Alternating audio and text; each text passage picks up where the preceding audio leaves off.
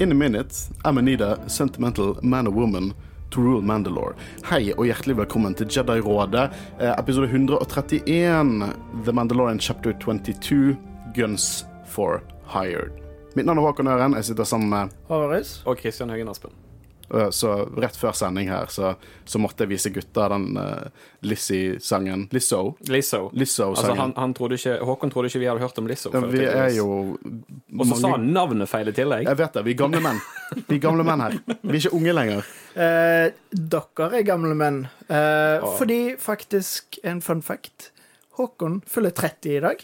Gratulerer med dagen, Gratulerer med dagen. gamle far. Eh, Jeg er ikke så gammel, da, for det er det jeg har brukt dagen til å lese Mandalorian og pakke til Star Wars Celebration. Så jeg skal fortsatt Star Wars-dag i 30-årene mine. Skal vi? Hurra for deg som fyller ditt år, ja, deg vil vi gratulere. Nok med det.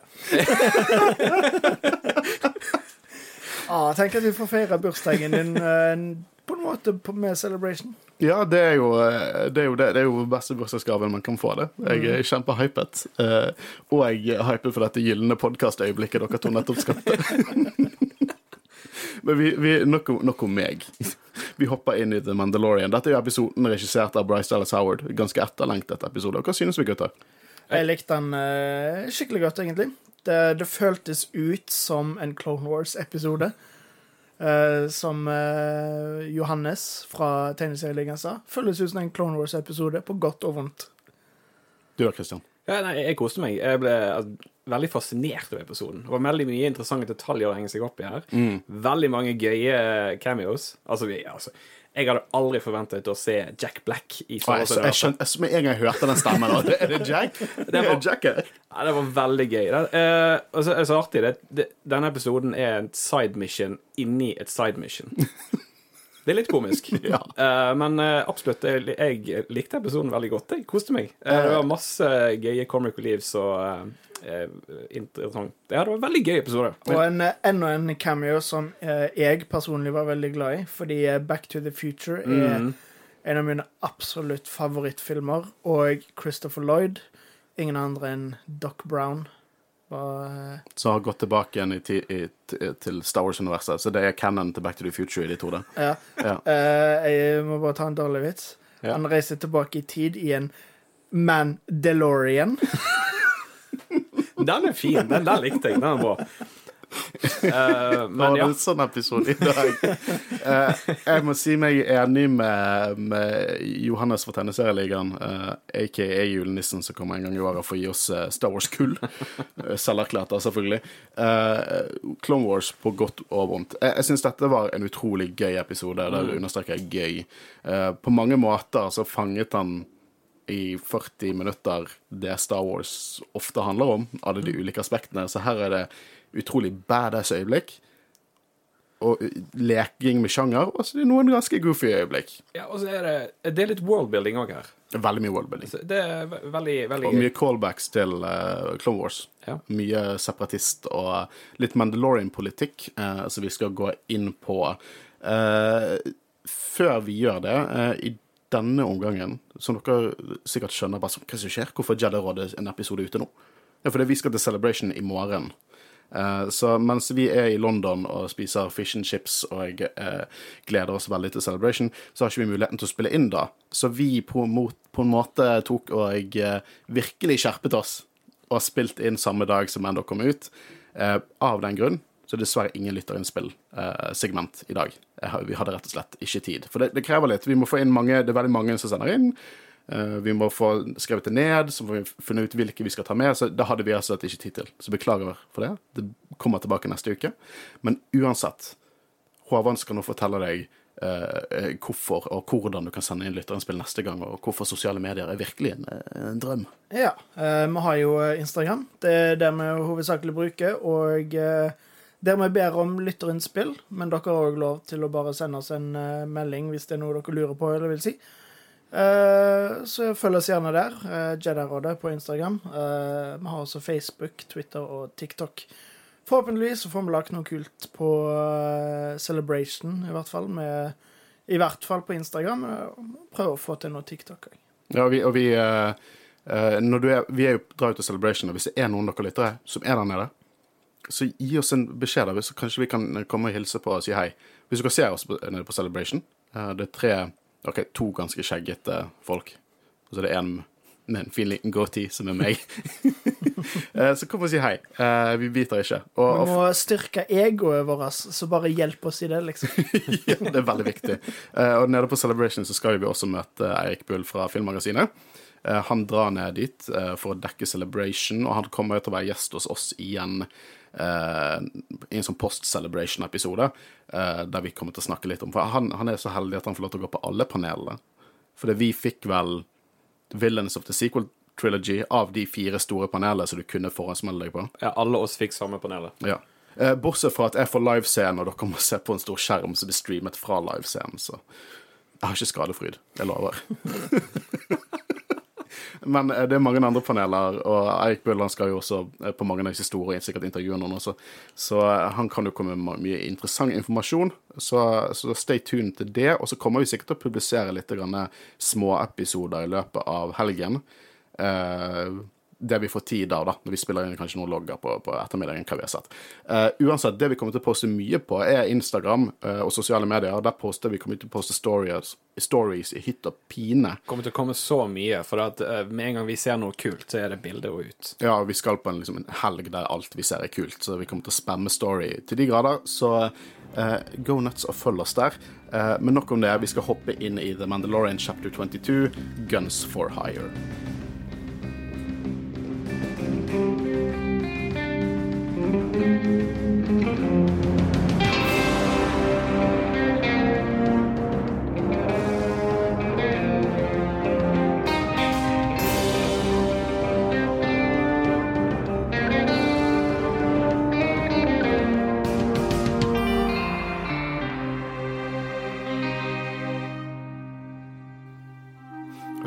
Alltid ønsket at uh, Mon Calamari og, uh, bare kunne bli venner?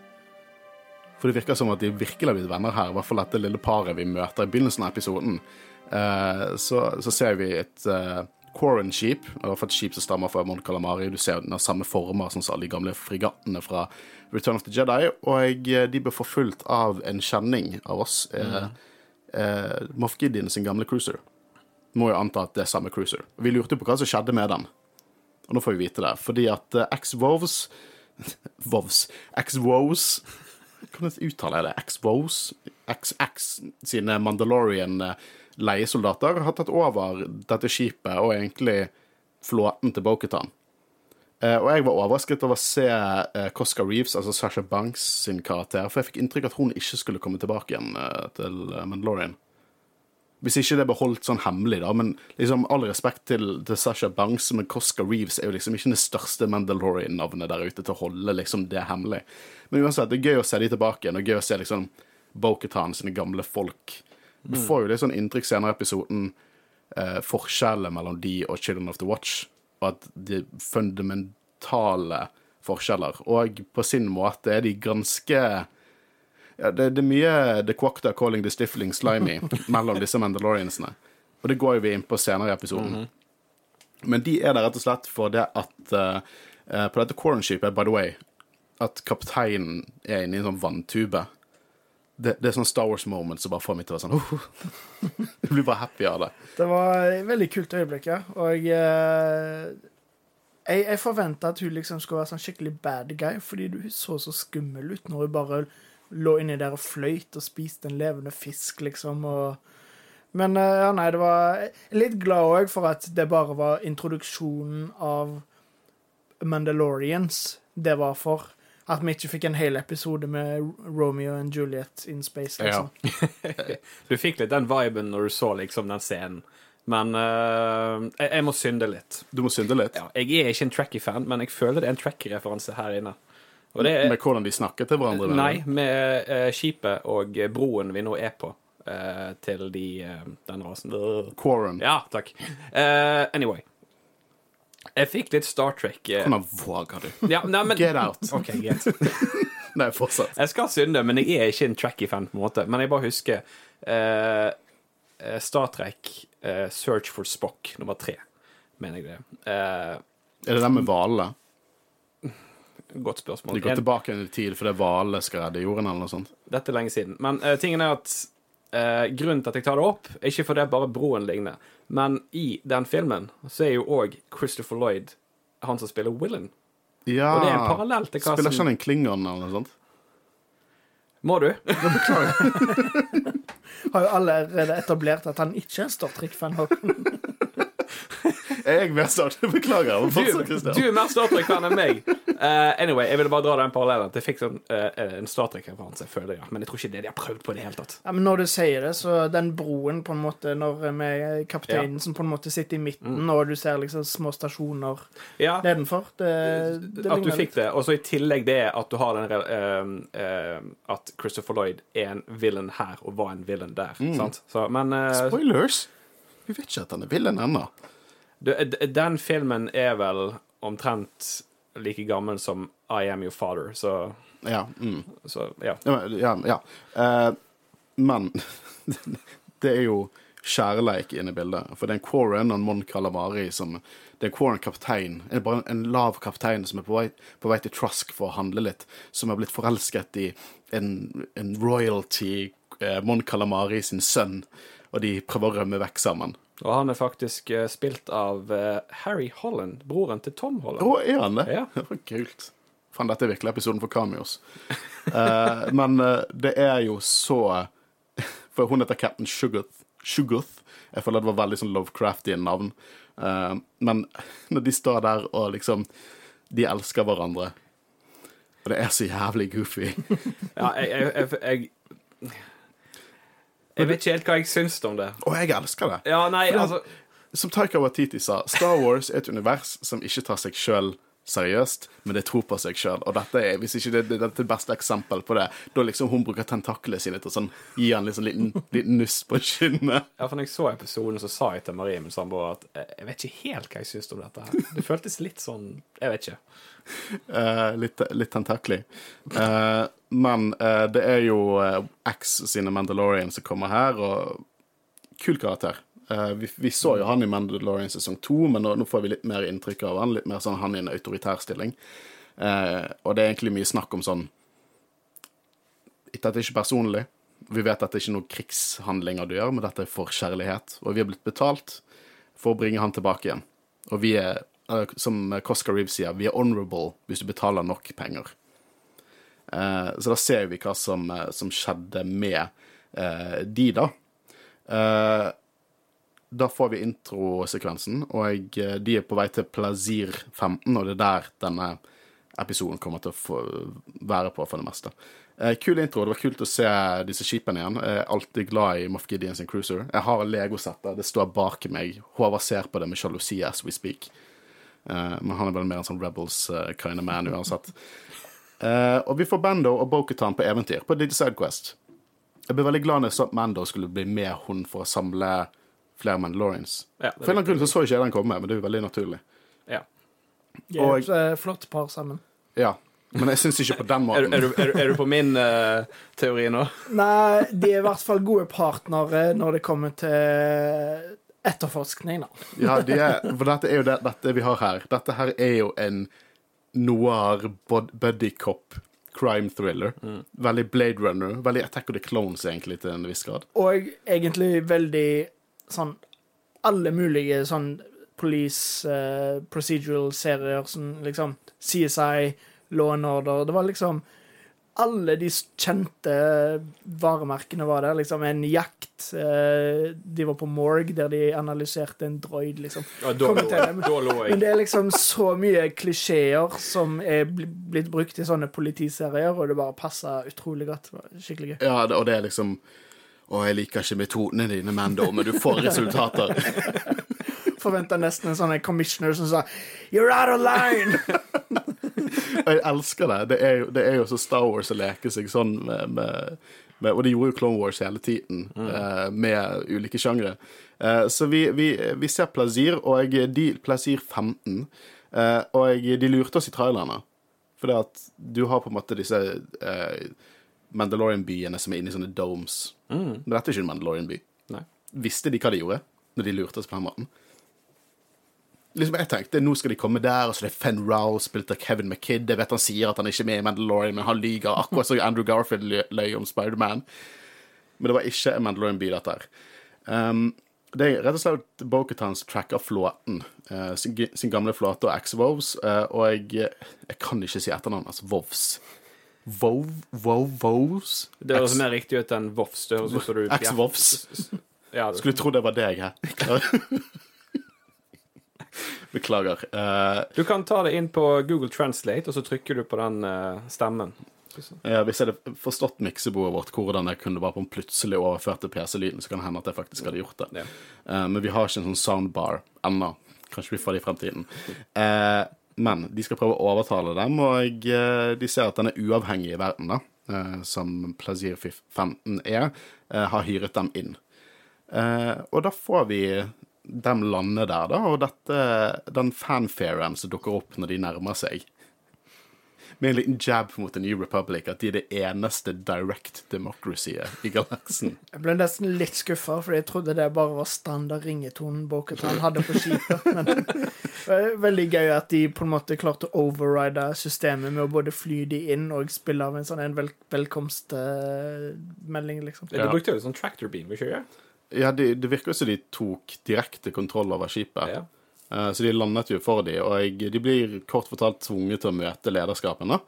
Eh, og jeg, eh, de, her på en måte, de prøver å overtale denne droide, eller AI-en, i denne vognen de setter seg inn i.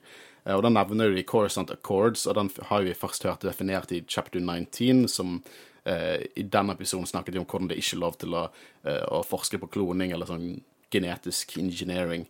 Eh, og alt dette, dette her med kloning og, genetikk og alt dette her eh, Nå skal ikke vi spoile noe for Bad Batch, eh, men det gir veldig mening etter vi ser hvordan The Empire virkelig fokuserer på kloning. At etter The Empire så bare er det helt nulltoleranse for det. Men om det er så smart det, liksom, De beholder enkelte ting fra The Empire som passer de. Chaincodes, for eksempel. For chain, de, de ber jo nå om å vise chaincodene, men er ikke det noe som Empire dikterte? Det er jo ganske praktisk å bare ha en sånn passfunksjon, da, og bare en digitalt pass. Ja, det var mitt hovedargument for at Empire hadde noen gode ting i seg når de prøvde å Kanskje det var noe som ble videreført? Ja. eh, Det er jo en lur eh, ting. Eh, Så møter vi Den første vi på en måte hører, det er Captain Bombardier.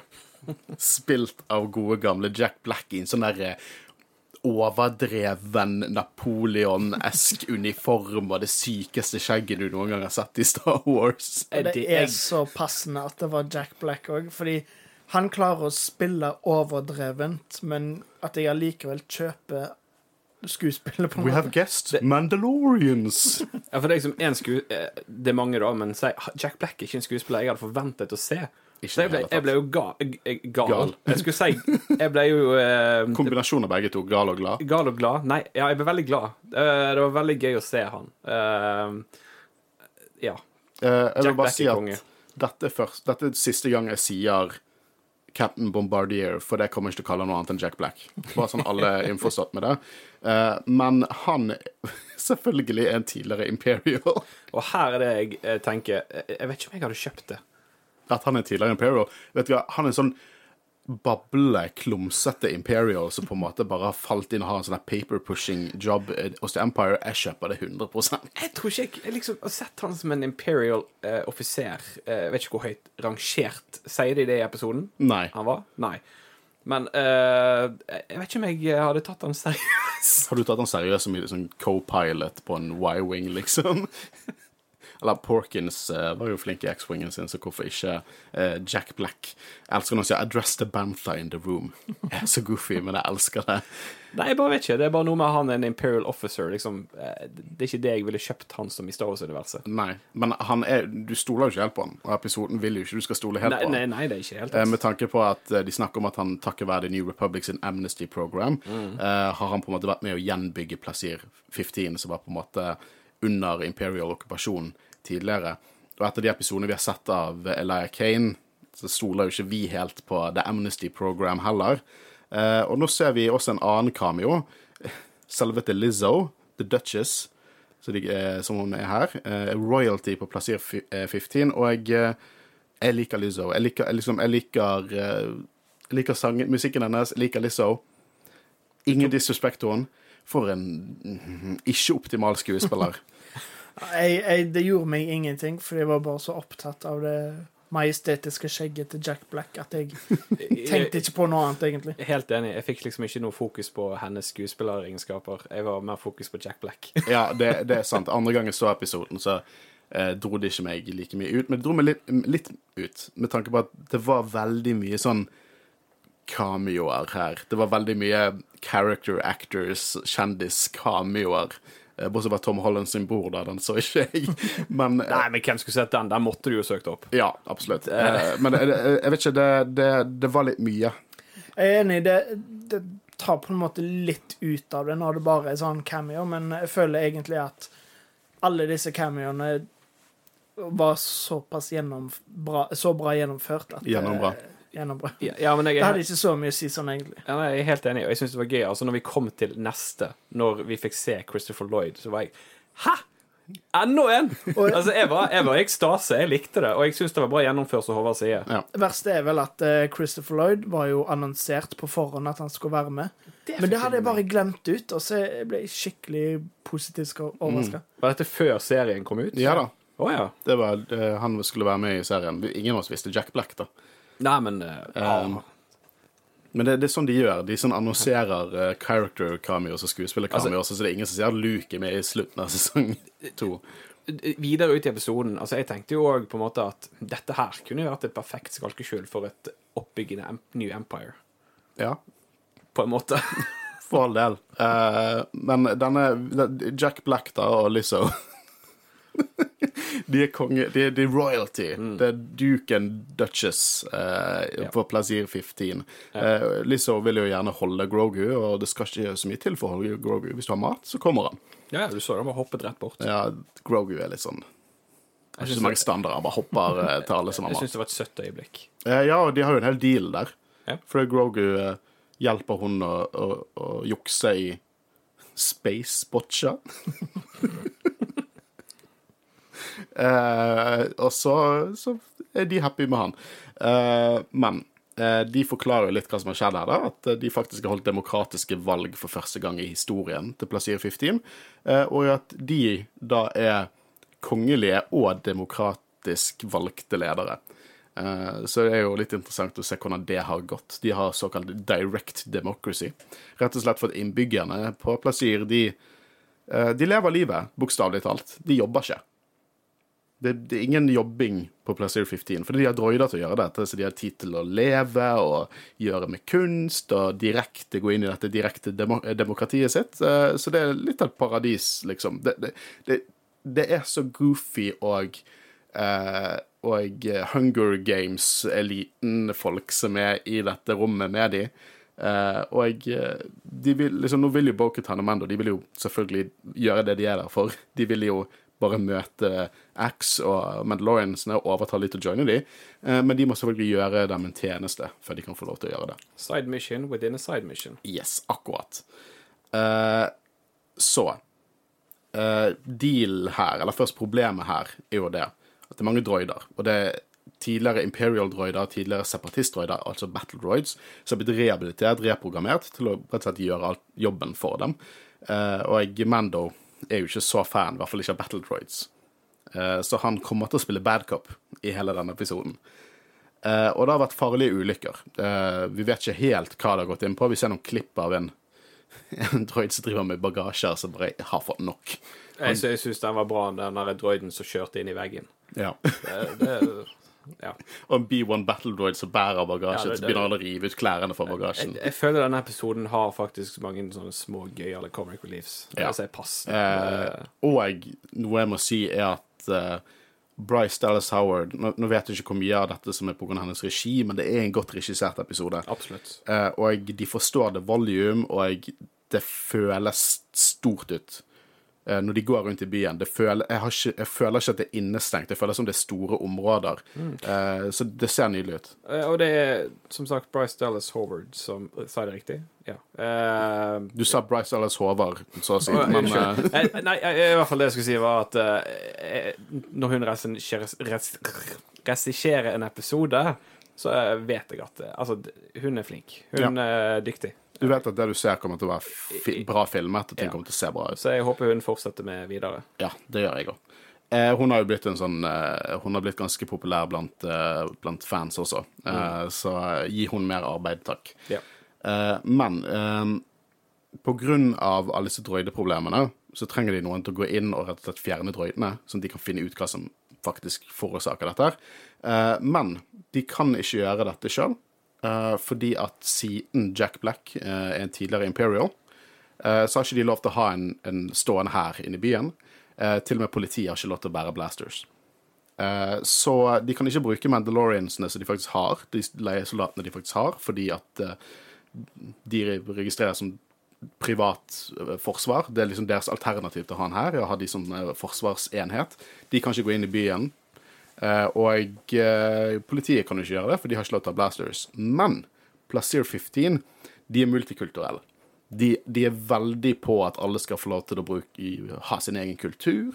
Og siden eh, våpen og rustning er veldig eh, inngrodd i Mandalorian sin kultur, så kan Boketan og Mando fint gå inn der og gjøre denne her eh, eh, voldelige jobben for dem. Jeg liker hvor indirekte de går frem til Mando og Bokhatan med dette her, og så på slutten bare sier You see where I'm going with this? Jeg likte det så godt. Jeg, mm jeg, jeg syns denne episoden fikk meg til å le ganske mye. Uh, Bo er jo ikke sånn superengasjert for dette. Hun liker ikke helt tanken med å være leiesoldater. Men så begynner jo Jack å, å, å spille det politiske spillet. For hvis de gjør dette for dem, uh, ikke bare får de liksom dratt til disse Mandaloriansene de er ute etter, men de får også eh, Mandalore som system anerkjent som en suveren stat fra Placero 15. Og de kommer også til å snakke med New Republic, sånn at de også skal anerkjenne Mandalore som en suveren stat. Eh, hun snur jo seg til Mando og sier eh, spør han hva han synes, og han sier you ha He had me at battle droids.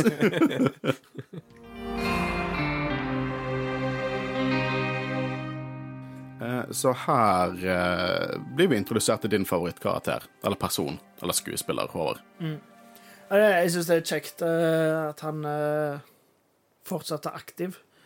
Eh, han begynner å bli gammel nå. Du ser det på han òg. Hvor gammel var han når, han spilte Back to the Future? 40-årene, vil jeg tro. Ja, for det, De har jo sminket han til å se eldre ut i de filmene, antar jeg, så jeg føler han alltid vært så gammel. Han er litt sånn som Ian McDermott. Siden han var jo i slutten av 30-årene han spilte Palpatine første gang. De sminket han til å se gammel ut. Så han har liksom alltid vært gammel. Ja. Han eh, spilte jo òg i eh, Nobody, den actionfilmen med Å, nå husker jeg ikke hva han heter. Han som spiller Saul i eh, Saul Goodman. Jeg likte den filmen. Og der ser han så gammel og skjør ut, og så tenkte jeg liksom Å nei, han er, han er blitt så gammel.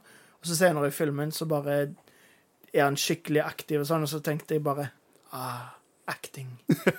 han er god skuespiller.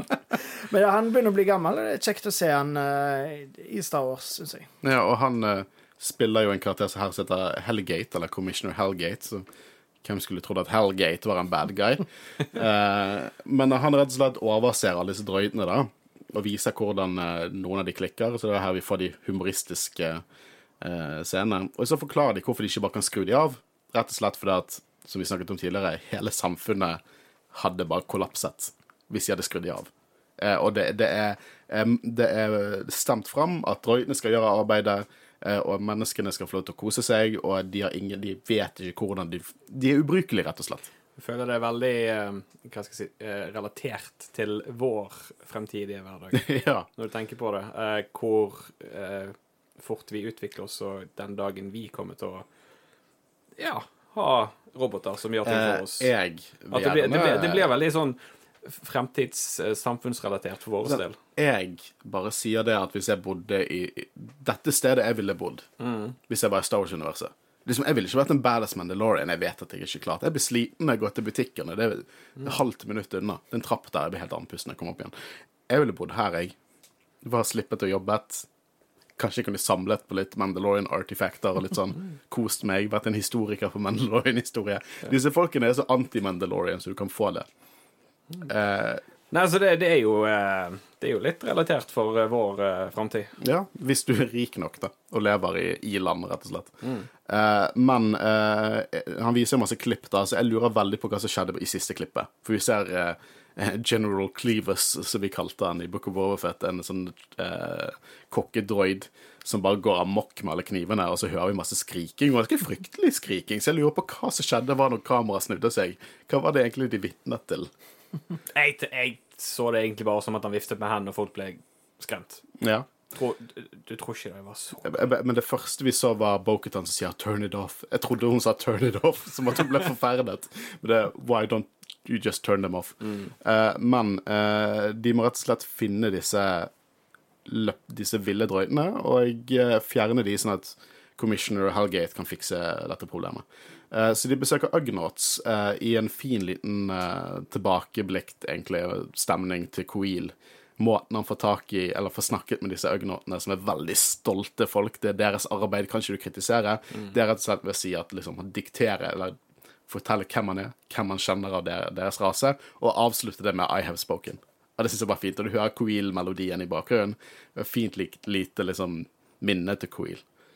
Uh, og jeg uh, Her er jo det på en måte Det er en bra buddycop crime thriller, fordi de bare sånn Boketan er på en måte den mer sånn straight A-koppen, liksom. Hun, hun vet hvordan hun skal do it by the book, men eh, Mando han er sånn skilder til underverden. Han er litt mer eh, røff rundt kanten og får resultater på uortodokse måter. For han har jo erfaring med, med, med, med Ugnaughts og smisker litt med dem, da, og etter hvert får de lokasjonene til de droidene de er ute etter. Eh, og det er mye rart som skjer, eller kult som skjer i denne episoden, spesielt på slutten, som er kanskje min favoritt-segment av episoden. Men å se en B1 Battle Droid med stemmen til Matthew Wood, som en foreman for B2 Super Battle Droid som bærer for han, er bare er så gøy. Er så jævlig gøy. Jeg har satt så mye pris på Clone Wars-droidene eh, når jeg er blitt eldre. Jeg, bare, jeg hatet de som, som tenåring, og nå er det bare nostalgi. Jeg elsker de. Når, når Mando begynner å sparke på B2 Battle Droids, og han er sånn Sir, excuse me, sir. Jeg tror, jeg tror Mando koser seg veldig når han gjorde akkurat det der. Ja, for dette er jo de droidene som drepte familien hans. Ja, sant? Eh, og så eh, Jeg savnet bare én replikk. Jeg ville så gjerne bare hørt Roger Roger. Ja, det, det Men, er men jeg, tror, jeg tror Mando koser seg veldig når han drev og sparket på én og én. Ja, det er utrolig vittig scene, og du merker at Mando virkelig ikke er fan av droider. Sånn, i, I en av heisene så bare sånn, å, du kan ikke stole på droider, så hvorfor tar du dette så personlig? Eh, det, jeg bare elsker dynamikken mellom de to. Ja. Det er helt For, fantastisk. for, for hun vet ikke hvorfor han tar det så personlig heller. Nei, hun bare skjønner ikke hvorfor han som pleier å være så stoisk og, og stille, bare nå er sånn Og jeg skal rive ut kretskortet ditt. Eh, jeg så jo det at Star Explained Jeg vet ikke om det var kri eh, kritikk mot episoden, men jeg synes at de gikk litt eh, tilbake med Mando. Etter, etter sesong én så burde han vært litt mer åpen for droider. Eh, men eh, Battle Droids, jeg tror det er det som er trigger han. Det var det som han reagerte på tidlig i episoden. At her var det Battle Droids involvert. Ja, og eh, vi ser jo at han er blitt betraktelig bedre, men med tanke på det han har opplevd, så forstår jeg jo at han fortsatt ikke helt stoler 100% på alle droider generelt heller. Og Så- spesielt de, da, har noe å si. Ja, jeg, jeg tror det du, du, Jeg tror hele den scenen når You had me at Battle Droid, og han fikk hevnlyst jeg, jeg tror det er det som triggeret han, liksom. Så jeg kjøper det, gjør han egentlig mer menneskelig, at han faller litt tilbake til sine gamle veier. I hvert fall når direkte de droidene som sto til ansvar for hva som skjedde med familien hans, potensielt er de skyldige her. Uh, og da får vi en dritfet chase, rett og slett. Ja, enda en eh, sånn klisjé av uh, politiserier. En eh, chase av en sånn suspect gjennom gater, som det liksom kaster ting på de og hopper over. uh, Og så kaster seg, Mando kaster seg ut av en restaurant på et tidspunkt. jeg forventa Ja, det- nesten at det skulle være en sånn uh, Jogan fruit cart som de bare løpte gjennom. Ja, det er akkurat siste scenen. Altså, I den chasen, da, der han hopper ut fra restauranten fra det vinduet, bare tar han med seg ned i bakken. Ja, jeg får veldig Blade Runner-vibes her. Ja, på veldig. neonlysene, Ja, ja. og eh, spesielt Blade Runner eh, Final Nei, Director's Cut eh, er Nei, Final Cut. Det er mange cuts. Jeg tror det er sånn fire cuts. Final Cut er min favorittfilm. Blade Runner eh, original. Eh, og jeg, det minner meg veldig om den ene scenen når Deckard eh, oppsøker en av de stripperne, som er en uh, replicant, og så løper etter henne i gatene, og knu, hun faller gjennom vinduer og sånne ting. Og, når de små politidroidene kommer og lager sånn crime scene-greie rundt de, og de går rundt og sånn What do you think? det minner meg om de beste delene fra Attack of the Clones, for jeg elsker eh, noir-deler fra Attack of the Clones, spesielt i begynnelsen. Jedi Business Go Back to Drinks. Det var den viben jeg fikk her. Eh, og de finner en sparkpad og Håvard spør, eh, spør, meg eh, sikkert, hvis ikke jeg tok ordet fra nå, eh, det, finnes det noe i law om sparkpads? Hva er en sparkpad? Ingenting. Ok, det er bra, for jeg lurte veldig på hva det var for noe. Om det liksom visittkort til en droid. At jeg tolket det sånn Det er det samme som for oss liksom å finne sånn matchsticks fra en bar, bare for droider. Det er sånn jeg tolket det. Ja, De skjønte jo med en gang at det var en bar for droider. Det, altså, jeg, jeg, tror absolutt det er Star Wars-droide-parallell til sånn 40-50-60-tallet, når du fikk en sånn eh, match eh, liksom eh, fyrstikker fra en bar, og det er liksom baren The Resister, selvfølgelig. Mm. Og det er en droidebar. Jeg syns det var veldig kult. jeg forventet egentlig å få en sånn gøy sånn her replikk fra New Hope, der de går inn på Okotan og Din Djarin. Og så sier droiden 'We don't serve your kind here'. Men de sier jo basically det. Jeg likte når alle bare stoppa helt opp. Musikken eh, Akkurat som det var sånn der en eh, record scratch, og bare musikken stoppa, og alle så på de og liksom De sier ja, jo sånn uh, I don't think they usually see, uh, see our kind her, og da, da tenker jeg det er, det er en diskré parallell til ja, don't see their kind here. Ja, for så vidt. Uh, jeg elsker det også. De sitter og drøyner og oljer seg sjøl. Mm. og det er en ja, kan forvente du? En dry martini? Nei, men det, det er bare så awesome. For det, det, jeg så, har sett den episoden to ganger nå, eh, og det er en som blir cut off. Han har fått for mye olje. Ja, det. det. er en som blir dratt fra seg oljedrinken, for han blir cut off. Det fikk ikke med meg. uh, og det her Boketan skal ha sin framgangsmåte som fungerer litt bedre enn Mando sin truing. Uh, og han mener jo at uh, du går ikke an å reason with a droid, og så sier hun ja, de er programmert, all they do is reasoning. Uh, så de finner jo ut at droidene Dette er ikke noe droid uprising. For opp til nå så tenkte jeg dette sånn droider vil være independent og upriser. Uh, nei, for det droidene liker seg her. Uh, dette er droid, tidligere Imperial droids, tidligere Battle droids, tilbake til klonekrigene. Så nå får en ny sjanse til å på en måte gjøre jobben her, noe de med glede vil, og de er livredde hvis de har et dårlig rykte, så vil de bli erstattet av mennesker, og det vil de ikke. Så de vil hjelpe dem. Jeg likte godt når de liksom sa sånn å, menneskene har så kort liv, vi vil gjerne hjelpe de, og alle begynte å liksom juble og liksom Ja, for de, de, sier jo, eller androiden sier jo det, at de, skaperne våre Vi må jo gi noe tilbake til de. Mm. Som er fint. Det er alltid, ja. I sånne, sånne typer filmer er det alltid liksom The replicants som vil være independent, og mennesker som hater de. Her er det bare, de, de, vil, være, de vil ha symbiose. Uh, så da får vi på en måte en lite møte med bartender. Dette er så klisjé crime-drama på, på, all, på, alle de gode måtene. For jeg sitter det der og går gjennom det der at uh, ja, uh, vi har dette Nepenthe, som er basically olje og subartikler, så patcher de programmeringen deres til liksom hovedprogrammeringen, mainframen, i byen. Uh, og de kommer fram til at alle droidene som har klikket, har det samme batch av Nepenthe. Så de drar til likhuset. Å, det er så veldig... dumt, men det er så gøy òg. Ja, det er dumt, men det er, uh, det, er, det er gøy. Ta den ut, altså slabb oss. det er Og så er det jo helt likt òg. De drar det liksom ut en ja. sånn uh, jeg, jeg kan kalle det og så har du liksom sånn, den, den coaten som er der, så bare, hun ja. vet liksom alt om, om, disse her tingene. Og så står de over skuldrene hennes og bare Zoom inn! Hva er det? det? det? er et ekte morg, liksom. Ja, det er det. Det er, det er så gøy. Eh, og en hvit eh, liksom torture droid, da, Dr. Ball, mm. eh, som også klikker fordi de lurer på om disse partiklene fortsatt er aktive, og så klikker den, da. Og så ja, de er fortsatt aktive. ja. Uh, og det er rett og slett nanodroids, uh, laget av Techno Union. Vi husker jo Techno Union fra The Clone Wars. For de som ikke har sett The Clone Wars, var det en av de store selskapene uh, som var på separatistene sin side. Vi så de første gang i i Attack of the Clones, faktisk. Og nanodroider har jo blitt brukt til shady dealings før. Vi husker i klonekrigene der det ble brukt til å bombe Jedi-tempelet. En av hendelsene som rett og slett var catalysten til hvorfor Asoka forlot Jedi-ordren. Eh, igjen en kul liten throwback til det. Uh, og vi ser at disse nanodroidene har chaincodes, og de kan tracke hvor de kom fra. Ja, jeg har et lite tips til alle bad guys der ute som eh, bestiller ulovlige nanodroids. Ikke skriv navnet ditt på dem. For det er basically det som har skjedd. Hell- hell- Heller typ uh, skriv et alias, Ja. Eh, som Dr. Brown, for eksempel. ja. Dr. Brown. Det hadde vært Det sant. Ja. Tok ikke du den? Hvorfor tok jeg den? Selvfølgelig tok det. Ja, men du, tok du humret stille på en podkast. Du, kan ikke- du kan ikke bare la i smile på en podkast. Du må sikkert- gi noe respons. Han var sikkert ikke så morsom, jeg ikke. men jeg syns det det det hadde vært veldig kult hvis det, det hadde skjedd, liksom. Det hadde det. Eh, det er Commissioner Hellgate, selvfølgelig, som har uh, fått disse inn, og det er en ulovlig handling.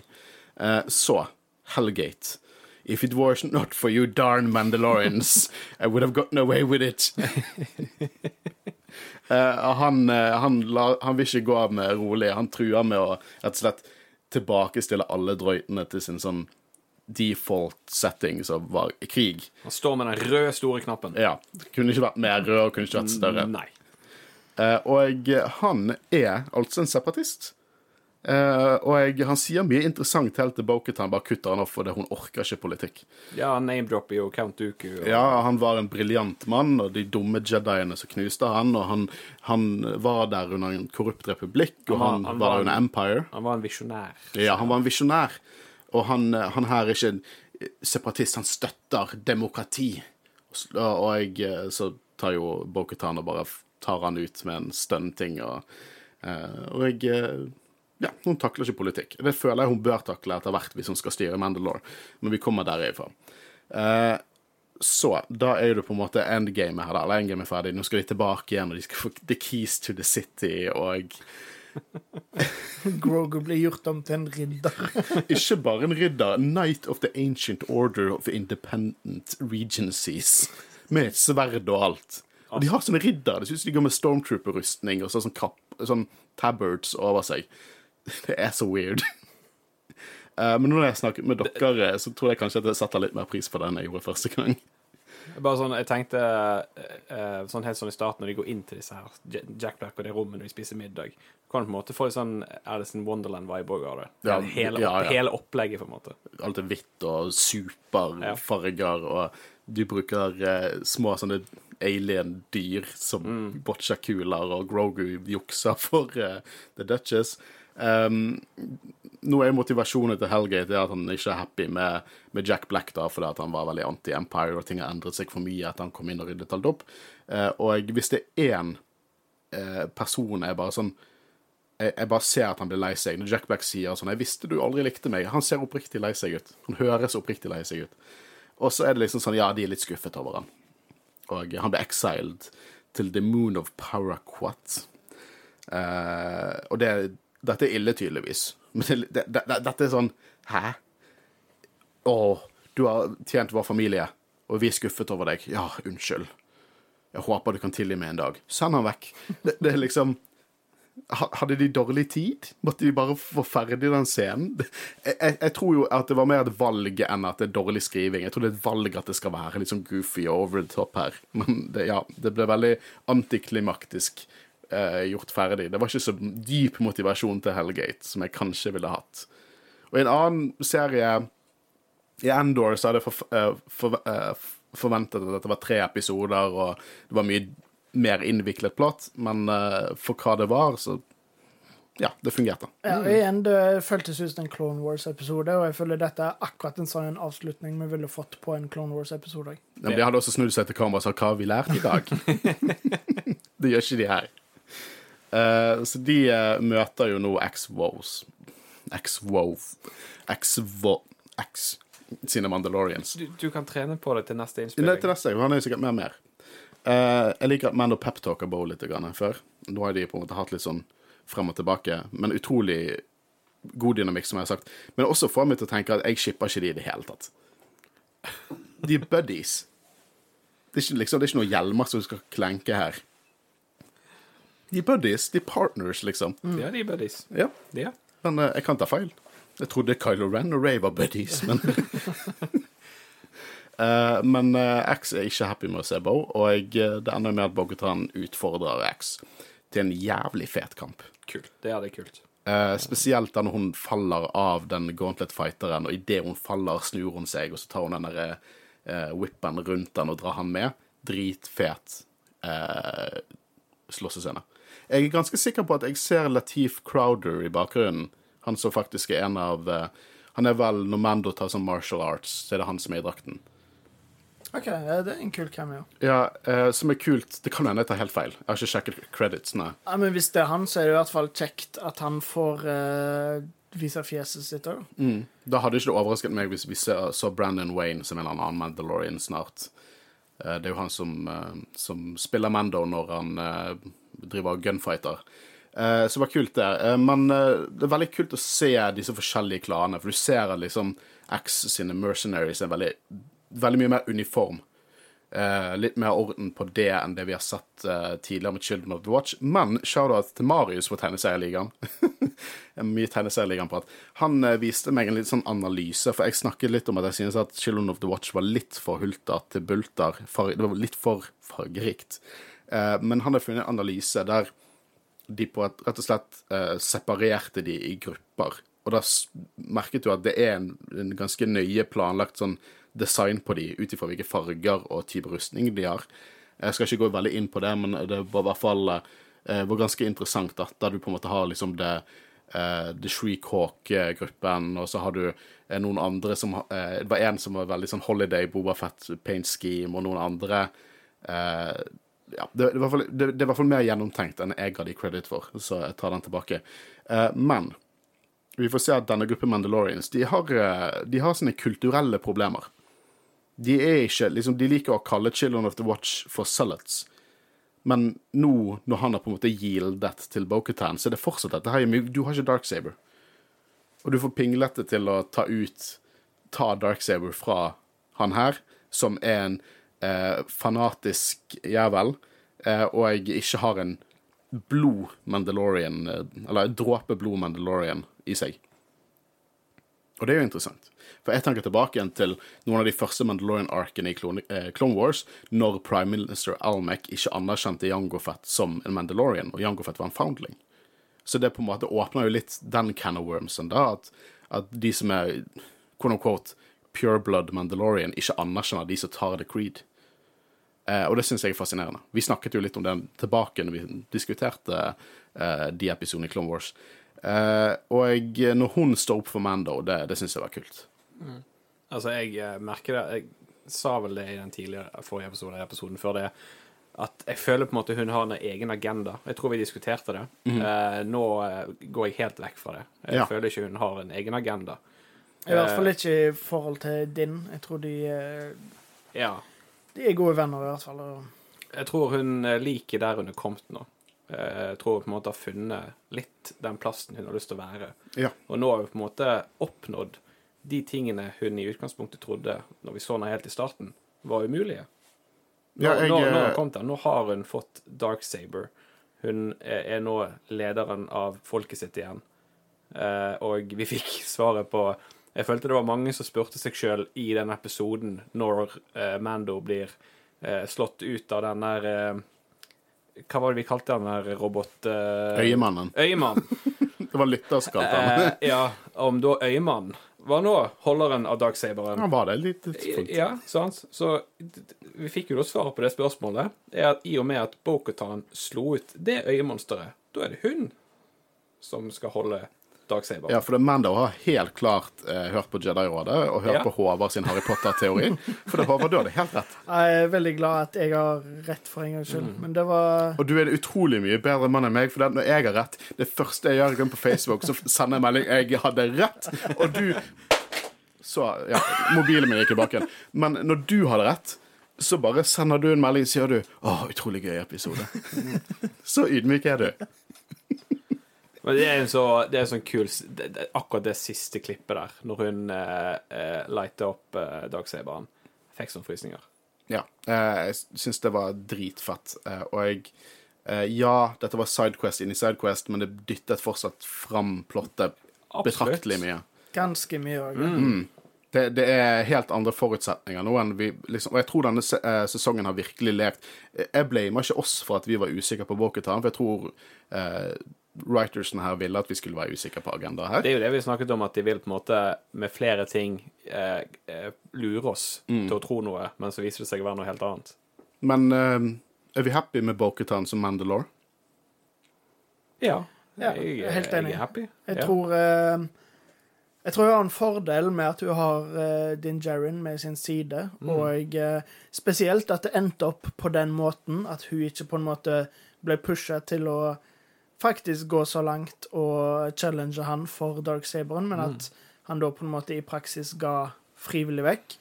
Fordi jeg tror sammen eh, Altså med hun som Mandalore og med på en måte Din Jarin som en representant av Foundlings og sånn, som er med å veilede og, og liksom være til hjelp, så tror jeg de kan være en god god Mandalore sammen, på en måte. i hvert fall. Mm. Absolutt. Kanskje ikke sammen, men i hvert fall at ja, at de samarbeider litt, da. Og jeg synes eh, Vi spekulerte Så jo litt, Mando blir på en måte hand of the, the queen, da? Er det det som det blir dealen?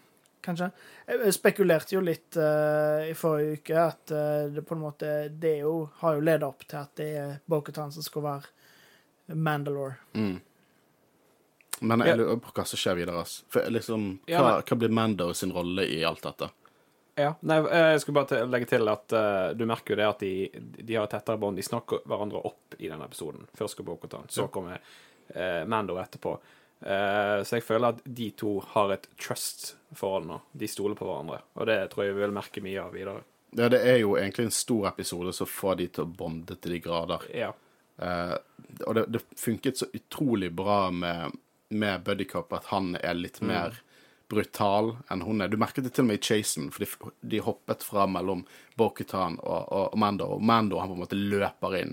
Han bare knuser ned ting, hopper gjennom vinduer, mens hun bruker jetpacken sin litt taktisk og hopper fint over ting. Eh, som på en måte viser litt de forskjellige stilene de har. da. Eh, så jeg eh, Jeg må si at eh, denne episoden eh, jeg, jeg, jeg, likte den, jeg likte den veldig godt. Jeg syns, dette var en utrolig fin episode. Men um, enkelte ting jeg kanskje ikke vibet like godt med som andre. Uh, det goofy-nesten i Star Wars er virkelig tilhører Star Wars, og Star Wars fortjener å eie det. Men men den cameo-partyen eh, med kongefamilien og, og goofinessen der, det var det, kanskje litt mye til tider, men samtidig så fikk jeg et jævlig fet noir crime detective-greie. Alt dette digget jeg. Jeg elsket alt som skjedde de siste ti minuttene med, med, med X-Woves og Boketan. Eh, siste shotet, som du sier, Christian, når hun igniter the dark saber. Jeg bare så på glasskapet mitt med hottoys og bare sånn, faen. Jeg tror, jeg tror Boketan må holde dark saber. Ja, det Du, du gleder deg enda mer nå til å kjøpe Dark Saber på Celebrations. eh, Ja. Eh, faktisk så skal jeg rett innom Disney Store i morgen. I morgen! oh, shit! I morgen, etter jeg lander, så skal jeg på Disney Store skal jeg kjøpe den dark saberen.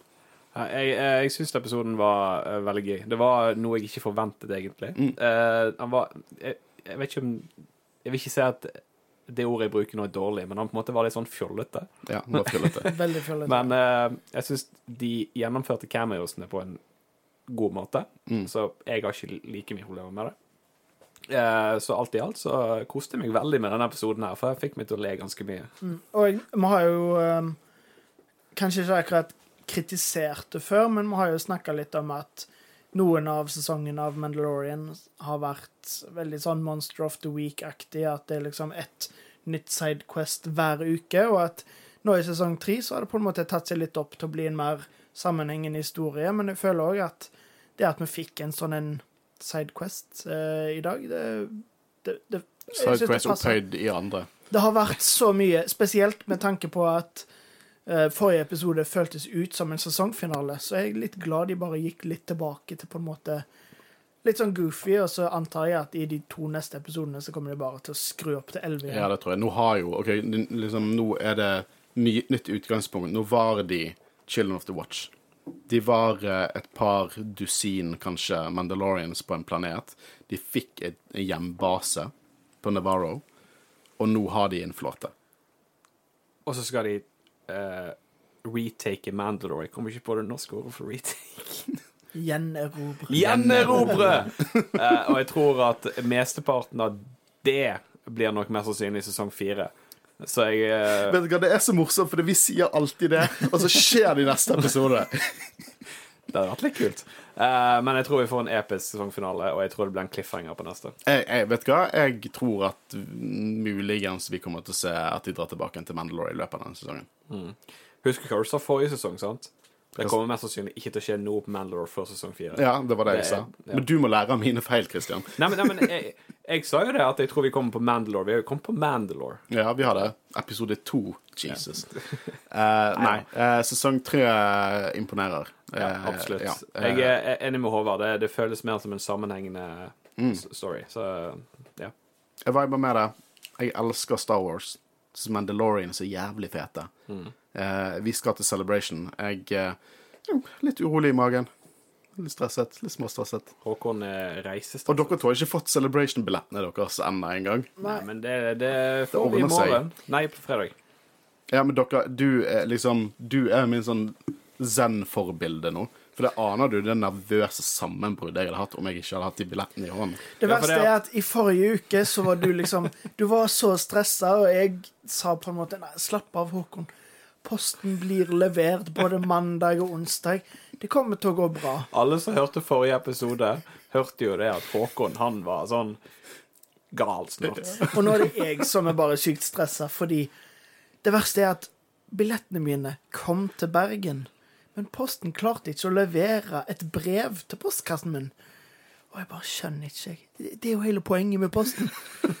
Jeg er litt irritert for at de ikke klarte å gjøre det, men så lenge jeg står i kø, så vil det jo ordne seg. Bare Vi kommer sikkert til å ødelegge en, eh, en eventuell fremtidig sponsing fra Posten i Norge, men, eh, men eh, det er liksom Du tar Posten, og så kombinerer du med påske. Du vet, liksom Norge er jo bare ubrukelig når det nærmer seg helligdager. Norge er ubrukelig på fredager.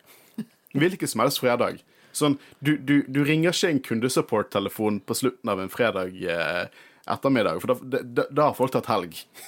Etter lunsj på fredager så er det ingen hjelp å få noen sted i Norge. Det, det, det er sånn vi er. Uh, så Kundeservice stenger 16.00. Du ringer 15.59. ja, ja, men da da er det et eget stedplass i, i helvete reservert for deg, hvis du er en av de som ringer på slutten der. Nei, men det ordner seg, Håvard. Vi skal til Celebration.